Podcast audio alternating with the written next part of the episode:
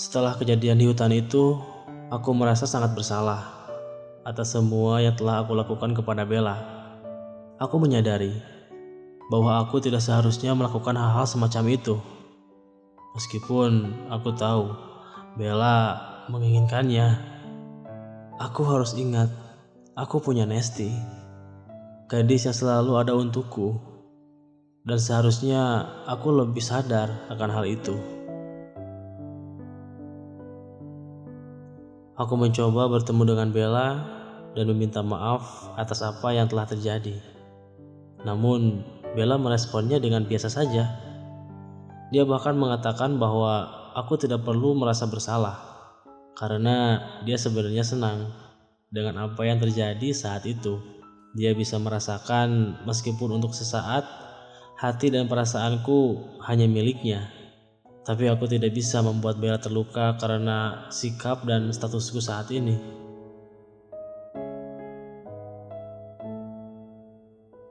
Malam itu aku mengadakan acara bakar-bakar di rumahku bersama teman-teman. Sebelumnya kami sudah merencanakan ini jauh-jauh hari dan berunding tentang acara ini saat kami berkemah beberapa waktu yang lalu. Malam itu beberapa temanku berkumpul di rumahku. Ada 10 orang dua pasang temanku dan pacarnya, tiga teman laki-laki, satu perempuan, dan aku beserta Nesti. Sebelum acara dimulai, aku dan salah satu temanku pergi membeli ikan segar di tempat penangkaran ikan yang lokasinya memang agak jauh dari rumahku. Aku membeli sekeranjang besar yang berisikan beberapa ikan besar dan segar Aku berpikir ini semua cukup untuk kami santap malam nanti, karena kami rencananya akan begadang. Ketika aku sampai di rumah, waktu menunjukkan setengah tujuh malam. Temanku sudah menyalakan api yang akan kami gunakan untuk bakar ikan dan memasak makanan lainnya. Kami ingin nuansa vintage dan memasak menggunakan tungku dan kayu bakar Meskipun tungku yang kami buat seadanya. Nih gue bawa ikan nih, gede-gede lagi. Mantep nih buat nanti kita makan. Ucapku sambil duduk jongkok di dekat temanku yang sedang menyalakan api. Anak-anak perempuan tengah sibuk dengan kesibukan masaknya. Ada yang sedang memotong sayuran, ada juga yang sedang mencuci daging ayam yang nantinya akan kita masak. Saat aku pergi ke dalam, aku melihat Nesti sedang membantu ibuku menyiapkan nasi liwet dan beberapa masakan lainnya. Aku iseng berkata, udah cocokan bu jadi menantu? Nesti terkejut sambil tersenyum malu mendengar ucapanku. Dan ibuku malah menyetujui ucapanku. Suasana semakin romantis ketika Nesti tersipu-sipu dan kami saling tersenyum satu sama lain. Waktu berlalu, hingga jam menunjukkan pukul setengah sembilan malam. Ibuku keluar menghampiriku dan memintaku untuk pergi ke minimarket untuk membeli beberapa bumbu masakan yang telah habis. Ibu bilang bahwa warung dekat rumah sudah tutup jam segini, sehingga aku harus pergi ke minimarket. Ya udah bu, aku ngambil jaket dulu ya. Jawabku sambil beranjak ke dalam rumah. Di dalam rumah aku bertemu dengan Esti. Dia bertanya, aku mau ke mana? Aku menjawab bahwa ibuku memintaku untuk pergi ke minimarket. Mendengar itu, Nesti memutuskan untuk ikut karena ada beberapa barang yang ingin dia beli juga. Akhirnya kami pergi berdua. Saat dalam perjalanan, Nesti memelukku begitu erat hingga aku merasakan sesak. Aku bertanya kepadanya, kenapa ia memelukku dengan begitu kencang? Kamu kenapa? Meluknya kencang banget. Sesak tahu. Lesti mengaku bahwa ia takut dengan jalan komplek tempat tinggalku pada malam hari karena penerangan yang kurang dan banyaknya pohon besar dan rindang di sepanjang jalan. Aku melihat wajah Nesti melalui spion motor dan ia terlihat sangat gelisah. Namun hal itu justru membuatku ingin menggodanya. Saat kami tiba di minimarket, suasana di sana terasa sepi. Hanya ada beberapa sepeda motor yang terparkir di area parkir dan beberapa pelanggan di dalam tenda pedagang nasi goreng. Nesti dan aku sering ke minimarket ini, karena ini adalah minimarket terdekat dari komplek rumahku.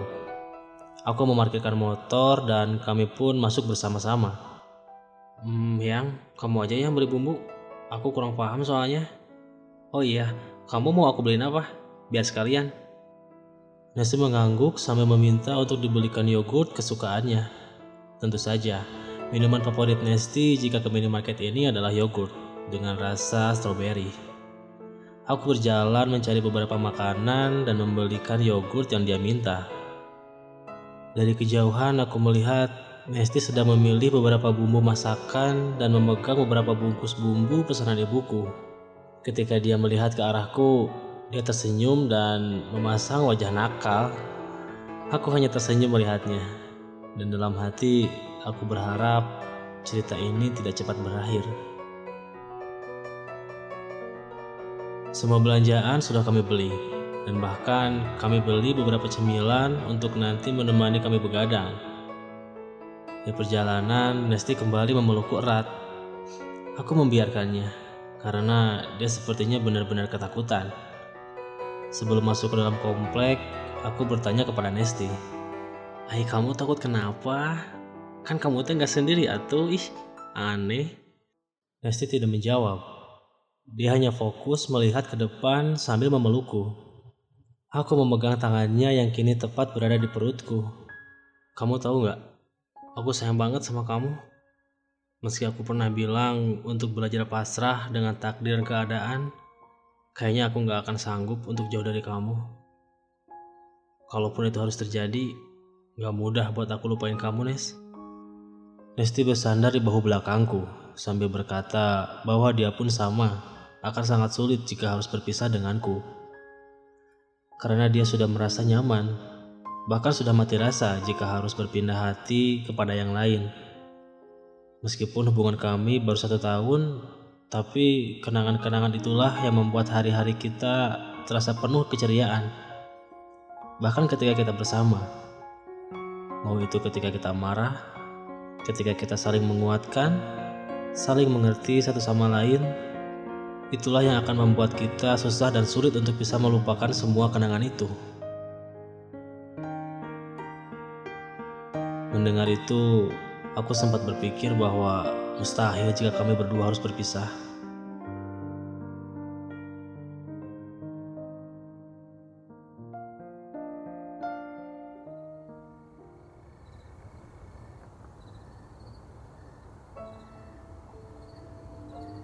Ketika kami kembali, beberapa masakan sudah matang. Aku mendekat bersama teman-temanku dengan membawa beberapa makanan dan minuman ringan. Nesti kembali ke dapur menemui ibuku untuk memberikan pesanannya. Malam itu suasana begitu syahdu. Kami berkumpul dan menyaksikan film menggunakan proyektor milik temanku yang sengaja dibawanya untuk malam ini. Kami duduk dan menikmati film dari laptop yang tersambung ke proyektor itu. Aku duduk di paling belakang, tepatnya depan pintu dapur, sambil menyaksikan film yang sedang diputar. Lalu Desti datang dengan membawakan minuman hangat. Eh, duh, tahu aja kalau aku kedinginan. Duduk sini dong, biar aku tambah hangat. Kataku sambil menggoda Nesti. Dia duduk di sampingku, Hingga tak lama, nasi dan makanan yang lain pun matang, dan kami semua membantu menghidangkan semuanya. Malam itu benar-benar nikmat, seakan keseruan di acara berkemah tidak ada apa-apanya dengan semua ini. Kami menikmati makan malam dan film itu sambil bercanda dan tertawa. Sementara itu, Nesti dan aku saling berbisik dan berbagi cerita tentang segala hal. Aku merasakan kehangatan dan kenyamanan dalam pelukannya. Saat itu aku merasa dunia ini begitu indah dan sempurna. Kami merasakan ketenangan dan kebahagiaan yang sulit diungkapkan dengan kata-kata. Malam itu benar-benar romantis dan akan selalu terkenang dalam ingatan kami.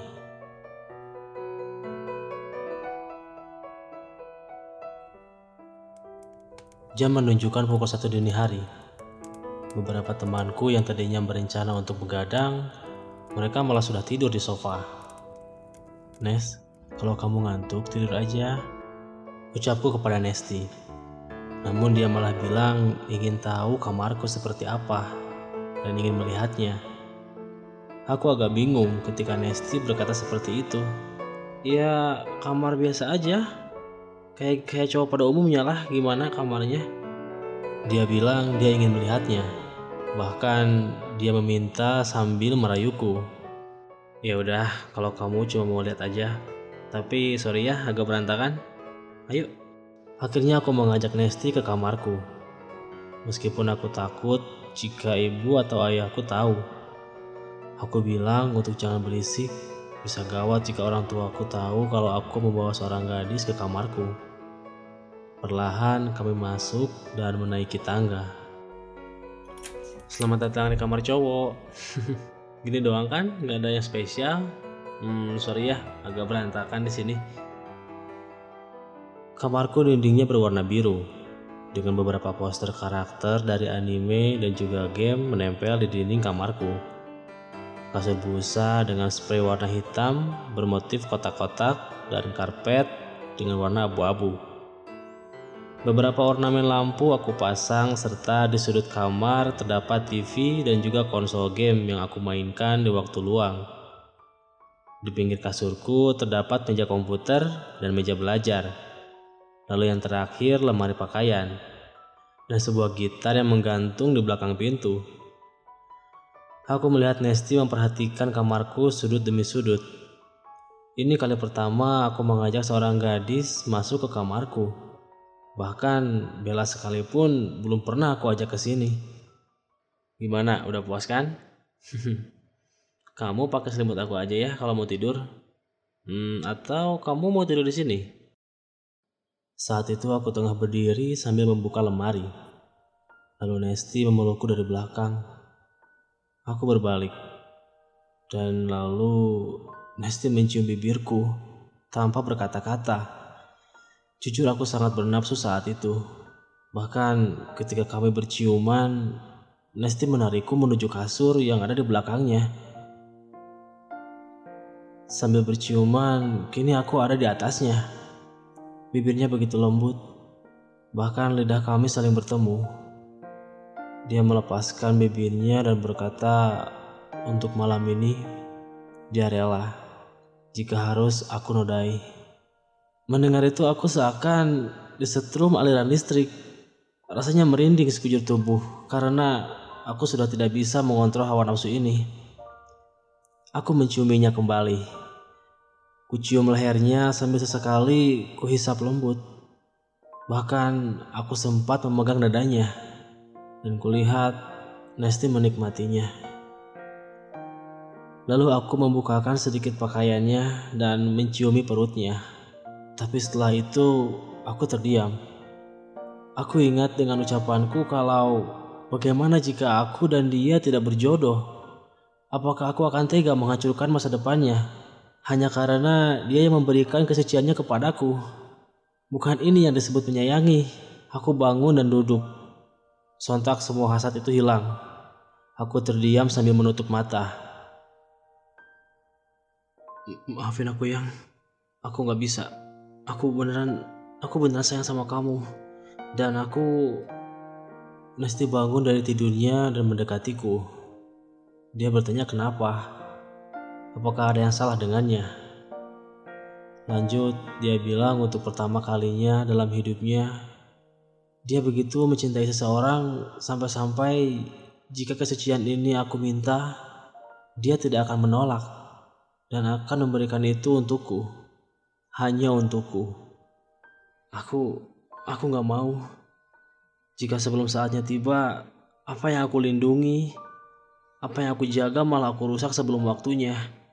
Aku mohon, jika kamu ingin aku yang pertama, kamu jaga baik-baik diri kamu ya sampai nanti kita bisa memiliki satu sama lain seutuhnya. Nesti menangis bahagia mendengar ucapanku saat itu. Dia memelukku kembali, dan dia berjanji untuk bisa jaga diri demi diriku. Karena dia bilang dia hanya ingin aku yang bisa memilikinya sepenuhnya. Akhirnya malam itu Nesti tidur di kamarku. Aku beranjak dari sana dan bergabung bersama teman-temanku yang masih begadang di luar.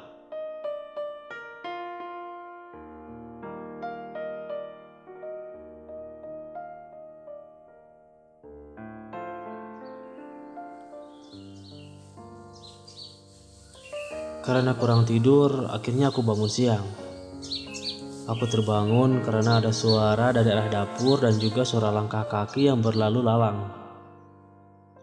Aku dan teman-temanku yang begadang semalam, kami tidur di tengah rumah, menggelar karpet. Kulihat jam kini menunjukkan pukul 10 pagi. Aku yang masih belum tersadar sepenuhnya mencoba untuk membuka mata. Lalu Nesti datang mendekatiku sambil bilang kepadaku untuk bangun dan cepatlah sarapan karena makanan sudah disiapkan di meja makan. Hmm, bangun tidur, lihat wajah kamu. Coba kalau bisa tiap hari. Ucapku sambil meregangkan badan dan memegang pipinya Nesti. Setelah itu, aku terbangun dan pergi ke kamar mandi untuk mencuci muka lalu pergi ke dapur menuju Nesti dan ibuku. Nes, anak-anak yang lain pada ke mana? Nesti bilang kalau yang lain sudah pulang duluan tadi pagi. Mereka tidak membangunkanku karena tahu semalaman aku sudah begadang. Jadi mereka hanya pamit kepada ibu dan juga Nesti.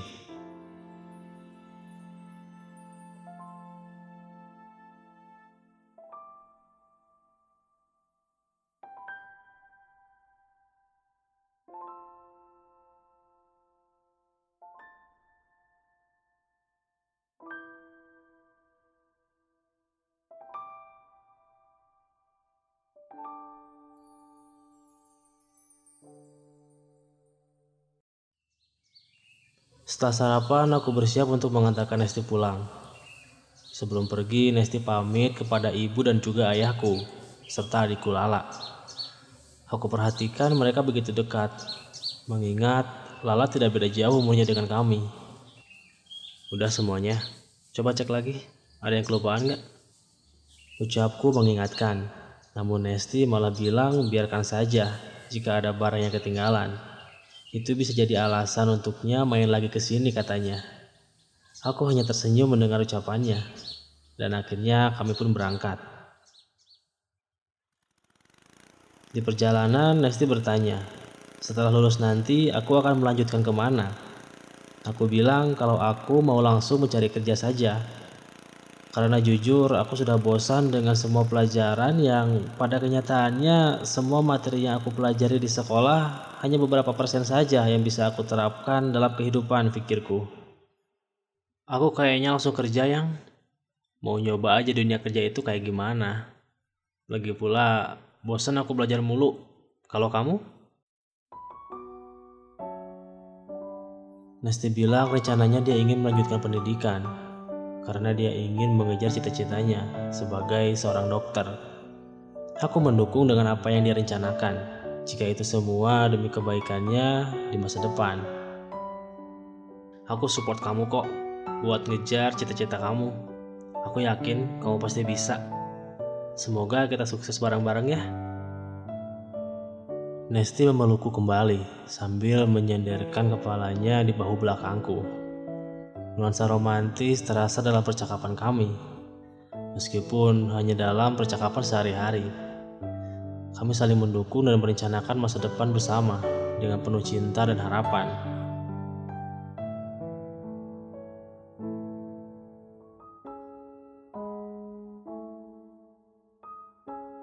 Sesampainya di depan rumah Nesti, aku berhenti dan mematikan motorku. Aku melihat suasana rumahnya tampak sepi tidak seperti biasanya. Biasanya ketika kami datang, ibunya selalu ada menyambut kami. Apa orang rumah pada pergi gitu? Sepi banget. Tanyaku kepada Nesti. Nesti mengatakan akan melihat ke dalam terlebih dahulu. Dia juga mengajakku untuk mampir ke rumahnya. Aku pikir tidak mungkin orang tuanya marah karena Nesti menginap di rumahku. Sebelum mengajak Nesti, aku meminta izin terlebih dahulu Bahkan ibuku sempat menelepon orang tua Nesti ketika Nesti sampai di rumahku. Aku tunggu di sini aja. Kalau ada apa-apa bilang ya. Tak lama kemudian Nesti pergi dan masuk ke dalam rumahnya. Setelah itu Nesti dan ibunya keluar. Ibunya mengatakan bahwa dia tidak mendengar suara motorku karena sedang membersihkan rumah di dalam. Aku turun dari motor dan mencium tangan ibunya Nesti. Setelah itu, karena tidak enak, aku langsung berpamitan kepada ibunya Nesti dan Nestinya sendiri. Nesti mengantarkanku ke depan gerbangnya, dan dia mengucapkan terima kasih atas malam yang tak akan pernah bisa dilupakan. Dia menggenggam tanganku dan menciumnya. Aku pun membalas ciuman tersebut dan pergi pulang.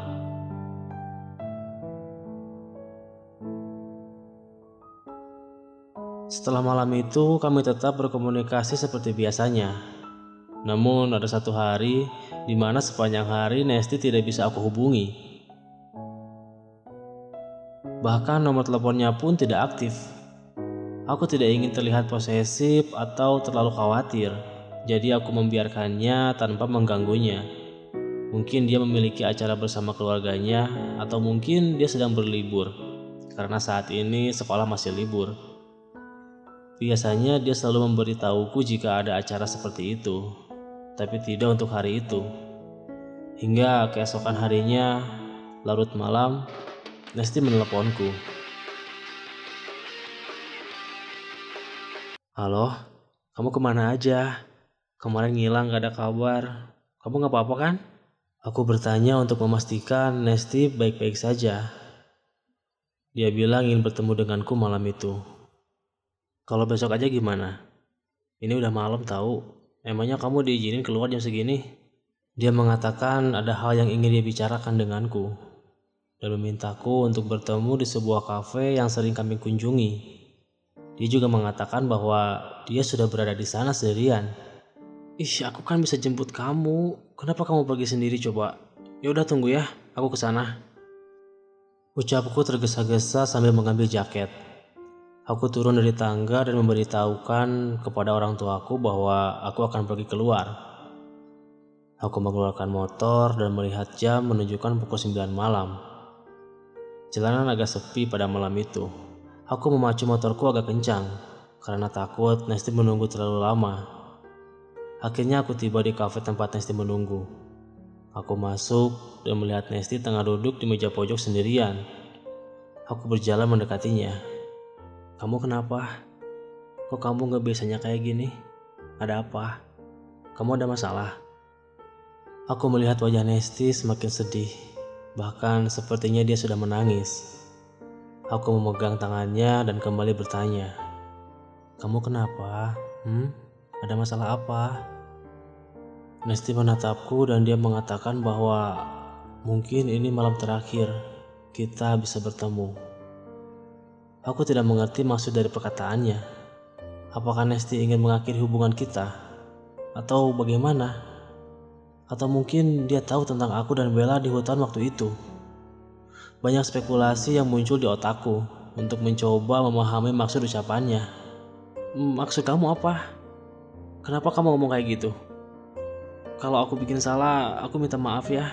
Tapi tolong jangan bilang kayak gitu. Namun, bukan itu alasan Nesti mengatakan bahwa ini adalah malam terakhir kita bisa bertemu. Dia menjelaskan bahwa besok siang dia akan pindah ke Jakarta dan melanjutkan sekolah di sana karena berkaitan dengan pekerjaan ayahnya. Untuk beberapa saat, aku tidak dapat berkata apa-apa.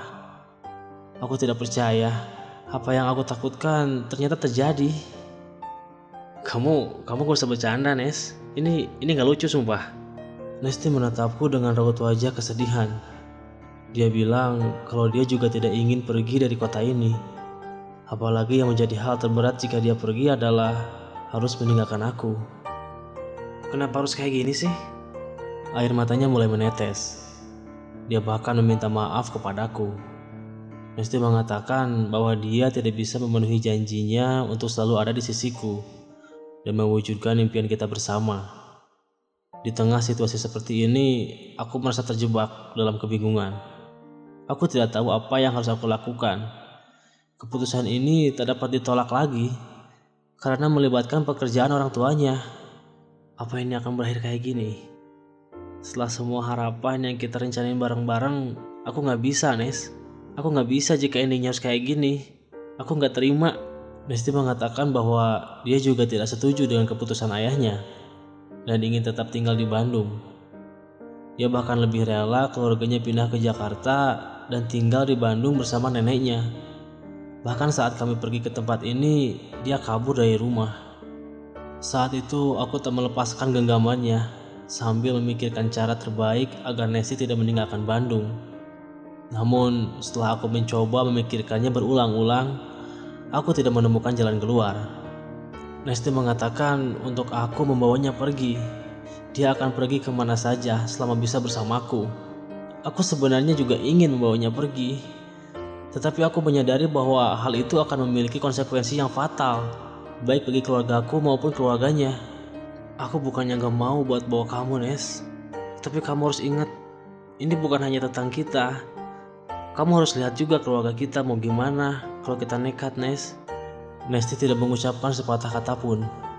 Dia hanya menangis, menerima keadaan yang ada.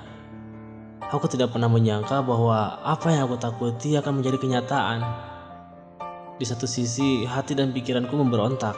Aku tidak ingin berpisah dengan Nesti. Namun di sisi lain, jika aku memaksakan diri untuk melarikan diri dari rumah dan membawa Nesti pergi, apa yang akan terjadi pada keluarga kami? Aku merasa terjebak dalam dilema yang tak bisa aku pecahkan. Perasaan cinta yang membara dalam diriku bertabrakan dengan rasa bertanggung jawab yang kuat. Aku ingin mengikuti hati ini, tetapi pada saat yang sama, aku tidak ingin menyebabkan kerusakan yang tak termaafkan bagi keluarga kami.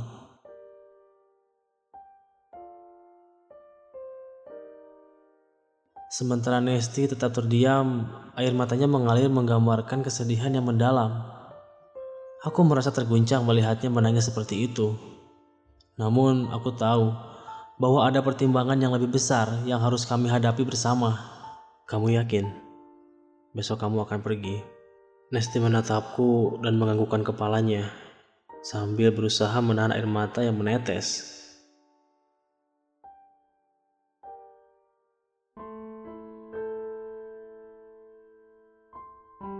Aku teringat kepada neneknya yang ada di sini dan menanyakan apakah neneknya tahu tentang rencana ini.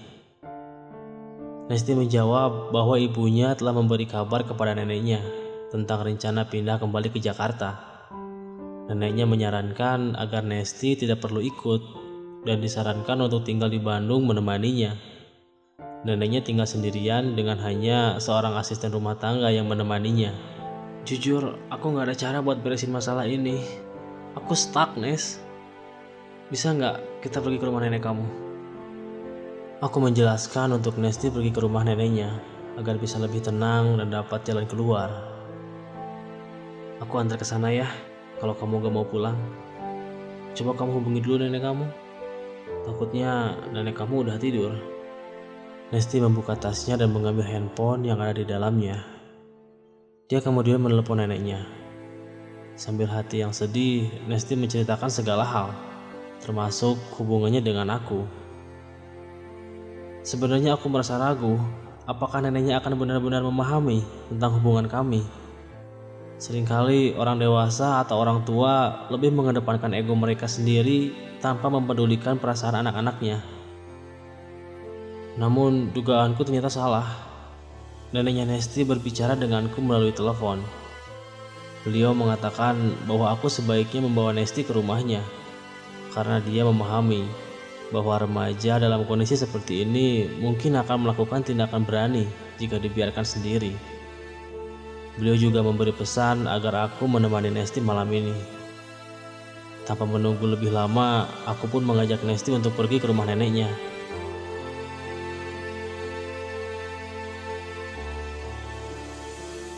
Sesampainya di sana, Nasi turun dari motorku dan berjalan ke arah neneknya yang saat itu tengah berdiri di depan pintu rumah. Aku menghela nafas berat saat melihat Nesti dan neneknya berpelukan erat. Hatiku terasa berat karena mengetahui bahwa Nesti sebenarnya tidak ingin pindah ke Jakarta. Namun, keluarganya telah merencanakan hal ini tanpa mempertimbangkan perasaannya. Aku tahu betapa sulit baginya untuk meninggalkan teman-temannya, sekolah, dan yang paling penting, meninggalkanku. Kami berjalan bersama menuju pintu rumah nenek Nesti. Saat memasuki rumah, aku bisa merasakan kehangatan dan keramahan yang terpancar dari setiap sudutnya. Nenek Nesti menyambut kami dengan senyuman hangat dan pelukan penuh kasih. Neneknya Nesti bilang kepada Nesti bahwa pindah ke Jakarta adalah keputusan yang terbaik untuk masa depan dan juga keluarganya dan Nesti akan mendapatkan kesempatan yang lebih baik di sana untuk meraih cita-citanya. Nesti menangis semakin keras, mencoba menyampaikan kegelisahannya kepada nenek. Dia bilang kalau dia tidak ingin meninggalkan Bandung.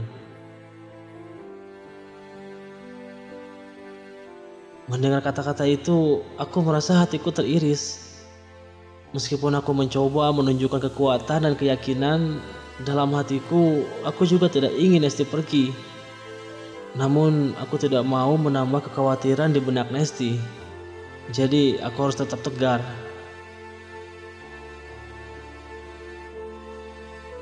Neneknya Nesti mendekati kami berdua dan meletakkan tangannya di pundak Nesti. Beliau berkata kalau beliau mengerti perasaan yang dirasakan Nesti, tetapi terkadang dalam hidup kita harus mengambil keputusan yang sulit demi masa depan yang lebih baik. Bahkan beliau menambahkan kalau beliau yakin aku adalah orang yang penting dalam hidup Nesti. Dan jika hubungan kami kuat, kami akan bisa melewatinya.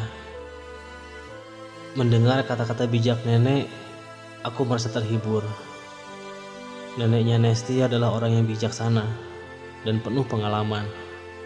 Aku percaya bahwa apa yang dikatakannya adalah benar. Beberapa jam berlalu. Kami duduk di ruang keluarga. Nenek mendengarkan dengan penuh perhatian saat Nesti menceritakan tentang hubungan kami. Dia mendengarkan setiap kata dengan cermat. Sesekali tersenyum dan mengangguk.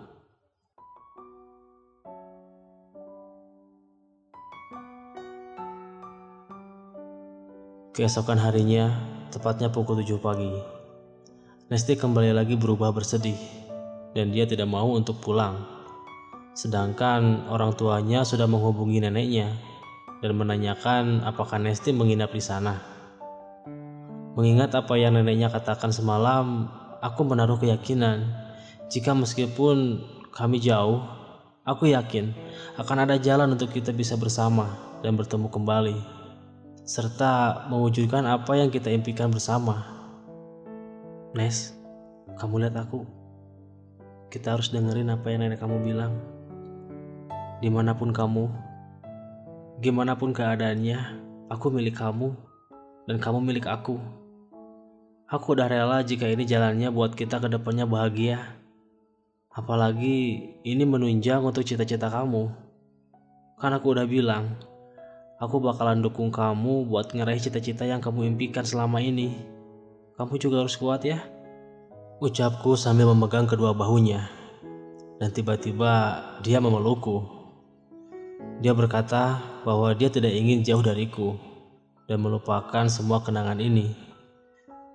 Aku mencoba meyakinkannya bahwa aku tidak apa-apa dan akan selalu menunggu waktu di mana kita akan bisa bertemu lagi. Akhirnya Nesti mengerti dan mau menuruti keputusan keluarganya untuk pindah kembali ke Jakarta. Aku pun mengantarkannya dengan hati yang berat, namun dengan harapan bahwa kami akan dapat bersatu lagi di masa depan.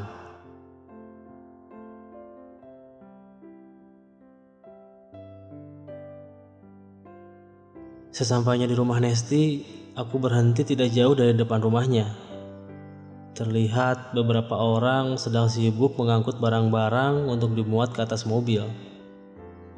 Dengan mata yang masih lebab karena semalam Nesti hampir tidak berhenti menangis.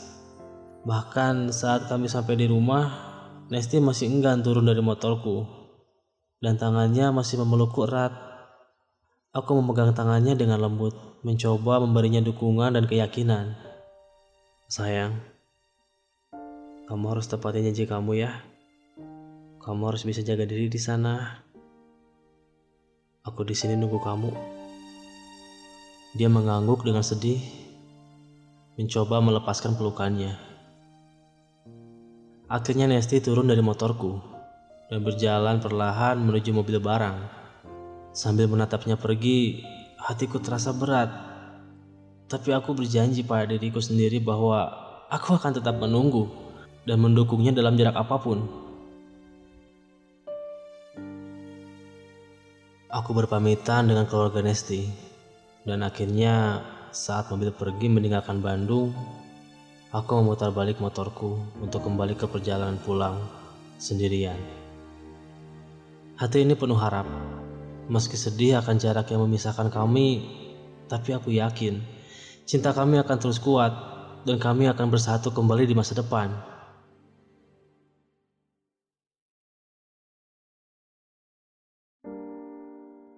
Satu minggu telah berlalu, dan hampir setiap saat Nesti meneleponku, bertanya kabarku, dan mengungkapkan rindunya padaku.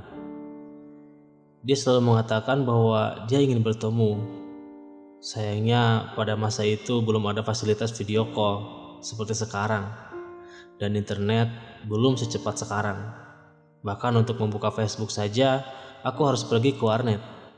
Meskipun kami tidak dapat bertemu secara langsung, setiap panggilan telepon tersebut memberi kami kedekatan dan kehangatan. Kami berbicara tentang hari-hari di Bandung yang indah, kenangan kami bersama teman-teman, dan impian masa depan yang kami bangun bersama.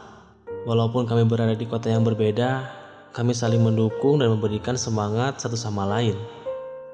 Aku menghibur Nesti dengan mengatakan bahwa ini hanyalah sementara dan kami akan bersatu kembali suatu hari nanti. Dia berbagi kegiatan dan peristiwa di Jakarta, menjelaskan tentang lingkungannya yang baru dan bagaimana dia sedang menyesuaikan diri. Satu bulan berlalu, dan aku merasakan perubahan dalam komunikasi dengan Esti. Dia agak jarang menghubungiku dan mengatakan bahwa dia terlibat dalam salah satu ekstrakurikuler di sekolah barunya.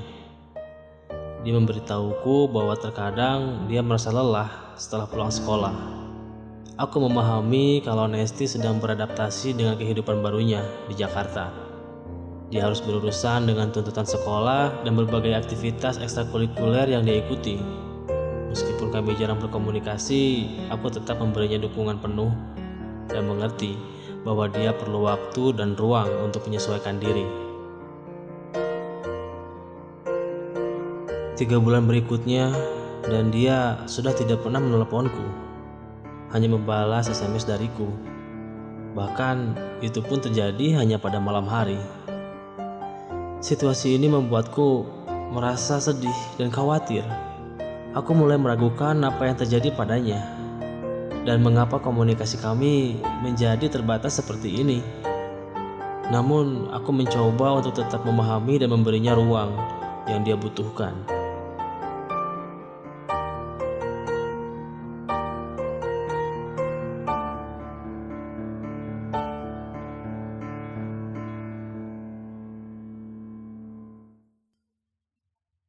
Setelah enam bulan sejak kepergian Nesti, aku mencoba mengiriminya pesan, namun tidak ada balasan. Ketika aku mencoba menghubunginya melalui nomor telepon, ternyata nomornya sudah tidak aktif. Aku kemudian mencoba menghubunginya melalui Facebook, namun ternyata akun Facebooknya terakhir aktif sekitar tiga bulan yang lalu dengan sebuah postingan foto dirinya bersama teman-teman barunya dan Nesti terlihat bahagia dalam foto tersebut. Aku merasa kehilangan dan tidak tahu apa yang sebenarnya terjadi pada Nesti. Apakah dia sengaja menghindariku atau terjadi sesuatu yang tidak terduga?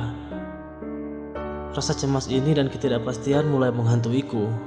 Aku mencoba mencari informasi lebih lanjut melalui teman-teman Nesti, namun mereka juga tidak memiliki informasi yang jelas mengenai keberadaan Nesti. Aku merasa terjebak dalam kegelapan, tidak tahu harus berbuat apa. Memang tidaklah mudah untuk bertahan di kondisi seperti ini. Di saat kita menantikan sesuatu yang tidak pasti, hanya bisa menunggu dan mencari. Dalam hatiku, aku tetap menyimpan kenangan indah kami bersama dan mempertahankan perasaan yang kuat terhadap Nesti. Aku berjanji pada diriku sendiri bahwa jika ada kesempatan, aku akan mencari tahu apa yang sebenarnya terjadi dan berusaha untuk mendapatkan kabar dari Nesti. Hingga saat itu tiba, aku harus belajar menerima ketidakpastian dan melanjutkan hidupku. Meskipun Nesti sudah tidak ada dalam hidupku, kenangan dan perasaan yang kuat terhadapnya tetap ada. Aku berusaha untuk menjaga harapan dan berdoa agar Nesti baik-baik saja di mana pun dia berada. Setiap kali aku melihat foto kami bersama atau mengingat momen-momen indah yang kami habiskan bersama, aku berharap bahwa suatu hari nanti kami akan bertemu lagi dan mendapatkan jawaban atas ketidakpastian yang aku rasakan saat ini.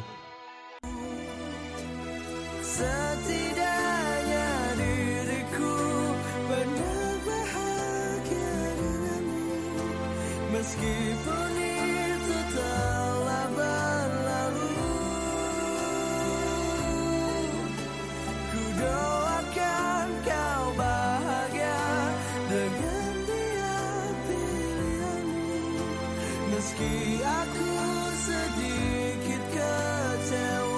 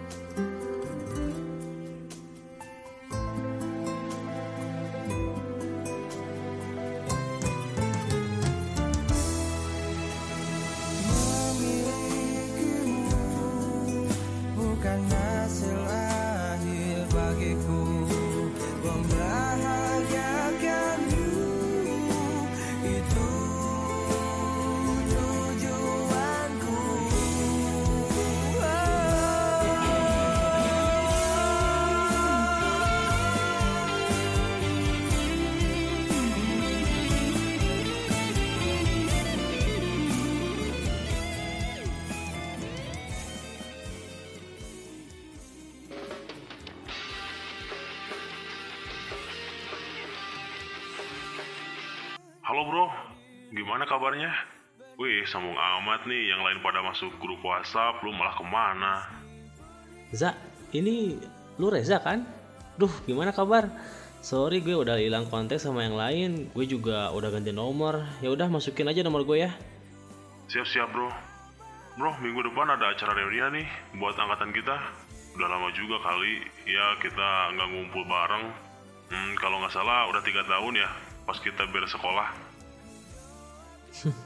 Iya Za, udah tiga tahun. Lah, lu kenapa kayak nggak semangat gitu? Hah? enggak, enggak, enggak. Sorry, sorry, sorry. Eh, gue ikut, oke? Iyalah ikut, masa iya si Farhan sama si Noah aja datang bela-belain dari Jakarta. Katanya mereka juga ngajakin anak-anak yang ada di sana. Biar kita kumpul bareng lagi gitu kan, angkatan kita. Terus katanya Nesti juga dateng loh. Lu pasti orang pertama Setelah tiga yang tahun berlalu, ikut. Aku sudah Nah, berusaha melupakan Nesti. Dan kini, dengan acara ini, ingat sekitar akankah aku dipertemukan kembali?